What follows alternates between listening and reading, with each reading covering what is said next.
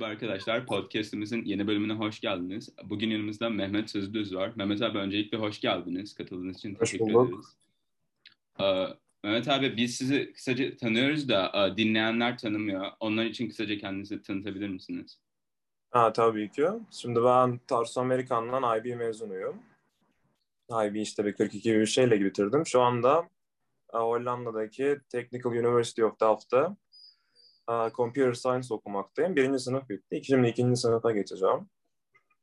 Hı okuyorsunuz Computer Science. Ee, peki Delft'te başvurmanın ve Delft dışında diğer Hollanda'daki üniversitelere başvurmanın gereksinimleri neler? Kısaca bilmeyenler için anlatabilirseniz.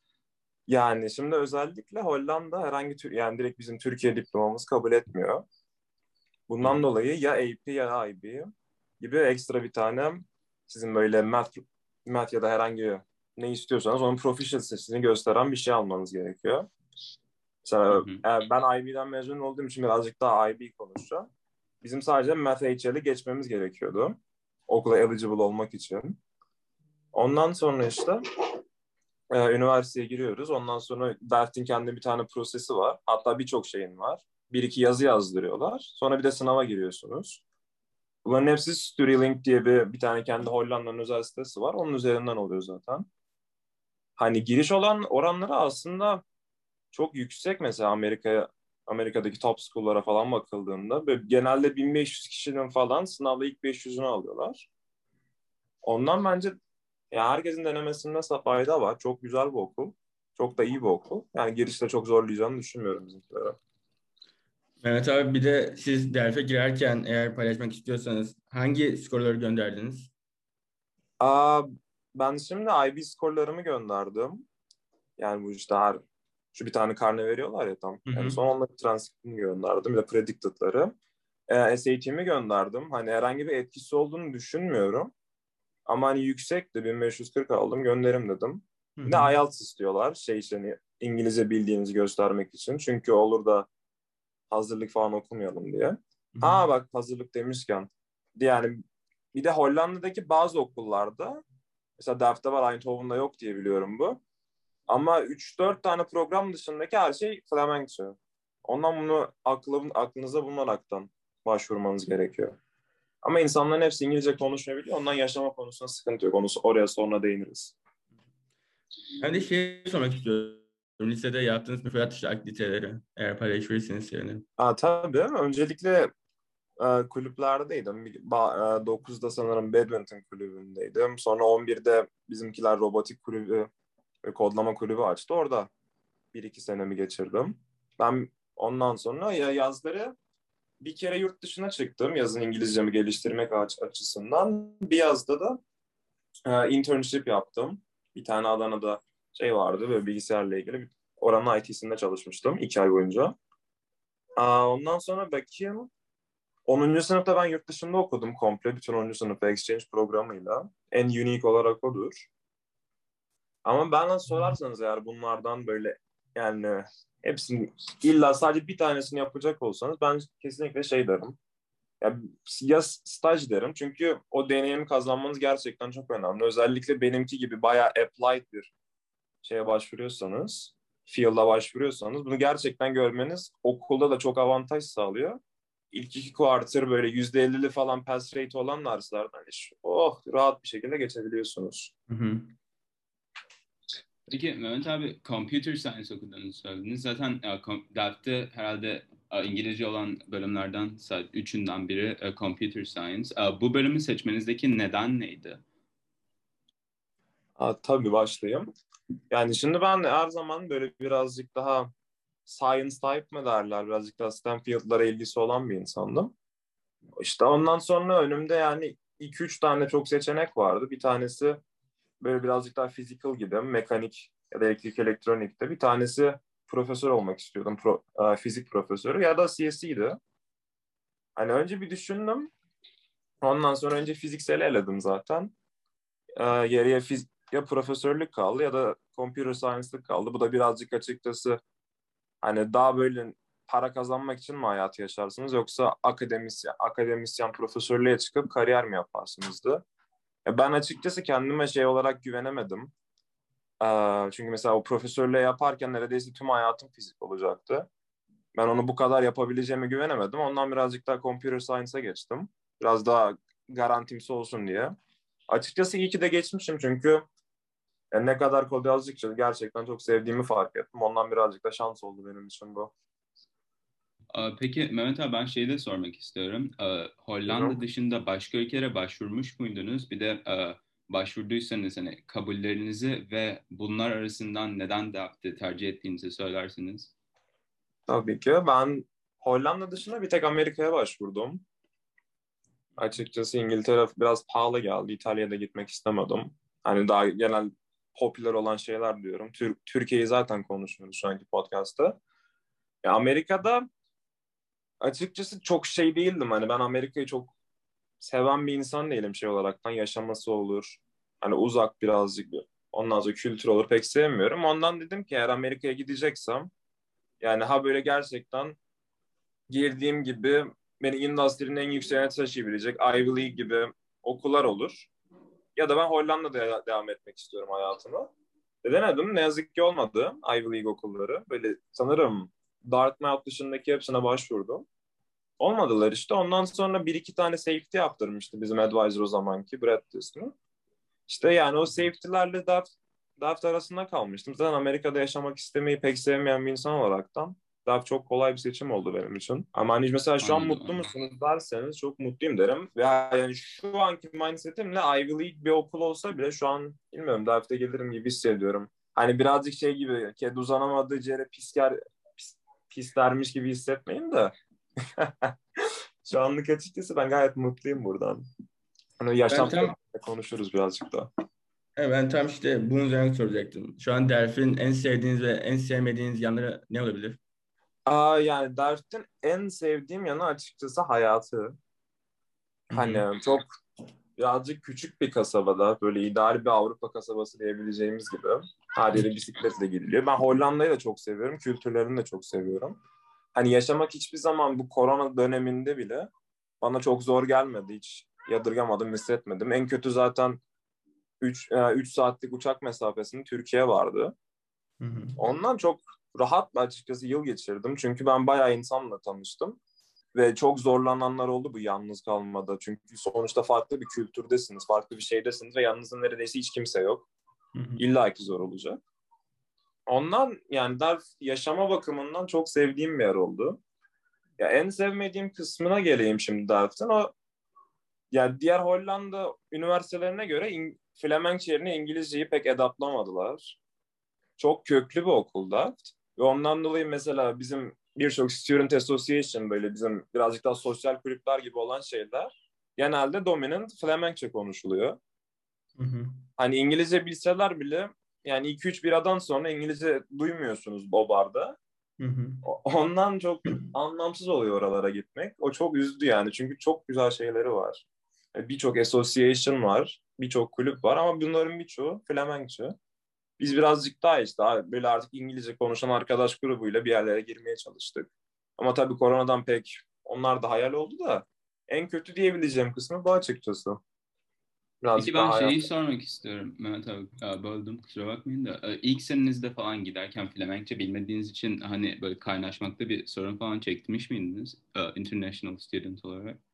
Yok hani her yani zaten koronadan dolayı ister istemez kaynaşmamız birazcık daha normale göre limited oldu da hani neredeyse bütün Hollandalı insanlar İngilizce zaten bizim kadar iyi konuşuyor. Yani onlarla konuşmakta herhangi hiçbir sıkıntım olmadı. Kaynaşmakta da çok bir sıkıntım olmadı. Ama işte yani o en kötü olan şey bizim bütün şeylerimizi şey bizim bütün lecture'larımızı e, remote yaptık. Hiç kampüse gitmedik. O bayağı zorladı. Hı hı. Ama bu sene çok daha iyi olacağını düşünüyorum. İnşallah şu delta varyantı da geçerse herkes aşıların olur kampüsü açarız. Ama hani Hollanda'da yaşayacaksanız da hiçbir sıkıntısı olmaz şeyin. Böyle İngiliz ben İngilizce biliyorum, Flemenkçe bilmiyorum. Çünkü herkes biliyor İngilizce. Evet abi zaten biraz bahsettiniz ben bir şey daha soracağım. Eğer oradaki yani Delft'teki kampüs yaşamını ve sosyal ilişkileri siz nasıl değerlendirirsiniz? Yani az önce de dediğim gibi pek evet. yaşayamadım. Ama hani bits and pieces birazcık daha açıkken gördüklerimden söylüyorum. E, çok güzeldi. Çünkü hani gerçekten neredeyse 2-3 hafta, her hafta 2-3 hafta böyle parti buldum. Hı hı. Yani arayan 2-3 güne bir buluyor da o kadar gitmedim ben. Hı hı. Ondan sonra spor olaraktan aşırı fazla seçenek vardı. Ben frisbee'ye ve yüzmeye katıldım. Onları Hmm. yaptım. Seneye bakalım artık kano yapmayı deneyeceğim. Çünkü bütün Hollanda şey olduğu için, nehir olduğu için çok fazla çok gelişmiş kanoları.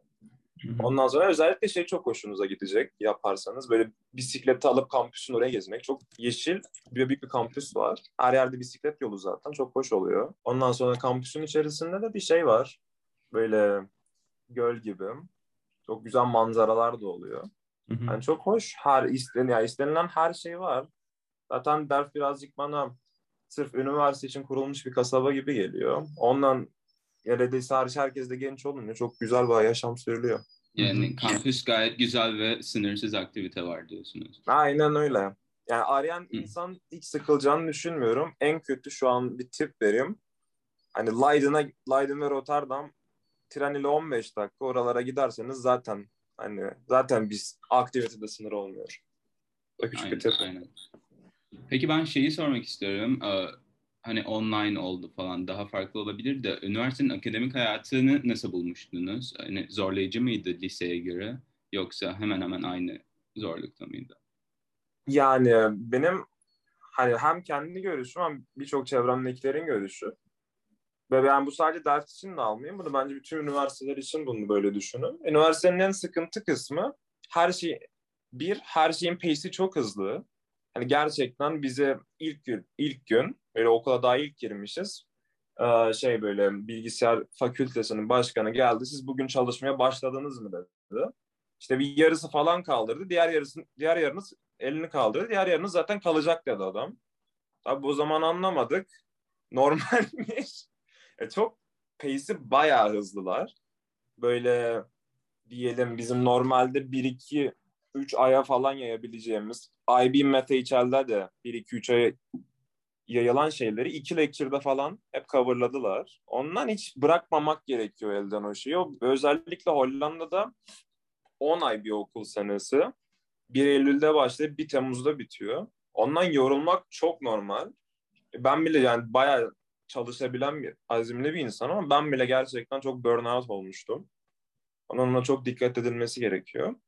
İkinci şeye de geleceksem o da birazcık daha söz yani Türkiye Türkiye üniversitelerinde de gene profesörler birazcık daha ilgili. Ama mesela bizim Hollanda'da çok her şeyi neredeyse sizin kendiniz yapmanız gerekiyor. Yani lecture'larda neredeyse hiçbir şey anlatmadılar bize. Birazcık daha question ve answer ya da böyle lecture'la sohbet gibi yaptılar. Genelde tüm materyali kendimiz bulduk. Kitaplardan okuduk. Hatta bir tane ders örnek vereyim. Bir tane web sitesi açmıştım. İronik olarak bu web dersi zaten. Bir tane web sitesi açtılar blog gibi. Bütün materyal oradaydı. Hiç bir kere bile görmedik şeyin yüzünü, lecturer'ın yüzünü. Ondan da birazcık şey oldu ama normalde de böyle oluyormuş zaten. Hep sizden bekleniyor her şey. Ondan mesela özellikle bizim lisedeki gibi öğretmenler çok üstüme düştü gibi bir sistemden çıkıp üniversiteye gidince yani yüzde seksen kalırsınız. Ondan o mindset'i yavaş yavaş değiştirmeye çalışmak lazım. 11-12'de sınıflarda. Dediğim gibi hani birazcık daha bu iki şeye kendinizi yaparsanız çok rahat geçersiniz zaten. Ya da ben yani ben de bir şey daha sormak istiyorum. Yani biraz bahsettiniz de dersin ne kadar zorlayıcı olduğunu. Şey her sene derste yani bildiğiniz kadarıyla yani tahmininize göre ya da kaç kişi kalıyor ya da yüzde kaç kalıyor dönemde? Ha şimdi. 2-3 tane istatistik veriyorlar bize şeyde. Böyle akademik meeting gibi bir şey oluyor. Hı. Yani şöyle vereyim. Öncelikle Hollanda'da BSA diye bir sistem var. Binding bir şey achievement mı? Üç dersten fazlasından kalırsanız okuldan at- atılıyorsunuz ve 5 yıl boyunca başvuru yapamıyorsunuz bir daha aynı okula. Sadece ilk seneniz için geçerli bu. İşte bunu genelde 200 kişi, bizim 500 kişilik fakültemiz var. 200 kişi bunu faillıyor. Hı hı. Ya garanti, minimum. Bu gene işin güzel kısmı ama işin sıkıntı kısmı okulun normalde 3 sene. Eğer siz herhangi bir girdiğiniz yılda okuldan 3 senede mezun olma oranınız %15. Bu çok düşük. Mesela Evet. herhangi bir iki dersten kalırsanız çünkü direkt dördüncü yıla falan uzatıyorlar. Hı hı. Açıkçası Euro'nun bu pahalı halleriyle de çok hoş bir şey değil. Ona da %15'e girmek zorluyor. Öyle anlatayım sizlere. Aa, Peki Mehmet abi sona geldik artık yavaş yavaş. Peki son soru olarak şeyi sormak istiyorum size. Aa, Siz bu süreci değerlendirdiniz, geçtiniz. Sizin gibi böyle yurt dışında başvuracak, yurt dışında üniversitelere başvuracak öğrencilere, Amerika olsun. Hollanda olsun, diğer ülkeler olsun, birkaç tavsiye verecek olsanız ne, ne derdiniz? Yani şimdi ilk olarak belki birazcık da controversial gelecek ama QS ranking'e yani sanki Holy Grail'miş gibi tapmayın. Hiçbir şey değiller çünkü. Hani ben de öyleydim çünkü size hiçbirinize yalan söylemeyeceğim. 11. sınıfta hiçbir fikrim yoktu. Hani ben yurt dışına gideceğim dedim. Açtım QS ranking'i. Aa ilk 50'de ne varmış, bu varmış, bu varmış. Öyle sanki sepete elma seçer gibi seçtim. Gerçekten çok geri zekalıca bir şey bu ne kadar da saçma olduğunu anlatamam yapmayın öyle bir şey. Hani çok üniversite seçeceğinize bence az üniversite seçin. Hem 11-12. sınıftaki mental sağlığınız için daha iyi hem yapacağınız preparation için daha iyi. Hani birazcık şans da var da tabii bu işte. Bu benim kendi düşüncem. İşte ondan sonra ikinci olaraktan üniversitenin akademiğin e, akademik %50 ise diğer %50'si de yaşama bakın. Hani çünkü gerçekten üniversitede güzel bir mentalite bulunmak, depresyona girmemek çok zor bir şey. Bazı şeyler için, bazı yerler için. Çünkü benim depresyona giden gerçekten çok arkadaşım oldu. Yani gideceksiniz mesela diyelim Delft'e geleceksiniz Hollanda'ya bir bakın. Hollanda size göre mi? Hava durumu nasıl? İnsanların? Bu, bunlar gerçekten hani ya ilk başta böyle ya biz yaparız insanlar adapte olan canlılardır hiç sıkıntı olmaz diye düşünülüyor. Ama böyle bir 5-6 aydan sonra ben mesela o dışarı baktığım zaman iki hafta boyunca güneş görmeyince gerçekten o modunuzun ne kadar düştüğünü hissediyorsunuz. Ondan diyeceğim en önemli iki şey şu. Bir, e, sadece blind bir şekilde QS ranking'e bakmayın. Hani referans alabilirsiniz ama her zaman kendi araştırmanızı yapın. Birilerine sorun. Oradaki biri bulursanız onu yapın. Ondan sonra iş... On, ikincisi de gideceğiniz ülkedeki ve hatta belki de şehirdeki tüm imkanlara bakın. Tüm imkan ve koşullara, hava durumu nasıl, iş imkanı nasıl mesela. Öyle yani. Çok dar bakmayın, birazcık daha geniş bakın. O zaman zaten istediğiniz üniversiteye gider, mutlu olursunuz. O zaman rankinglere pek aldanmayın diyorsunuz. Rankinglere gerçekten anlanmayın. Yani kendi research'ünüz en güzel research'tür. Ben öyle diyorum. Evet çok haklısınız. Aa, Bu da son soruydu o zaman. Katıldığınız ve geldiğiniz için çok teşekkür ederiz Mehmet abi. Zamanınızı ayırdığınız için. Aa, Dinleyen, Problem dinleyenler için ayrıca teşekkür ediyoruz. Aa, Bir sonraki bir sonraki bölümde görüşmek üzere.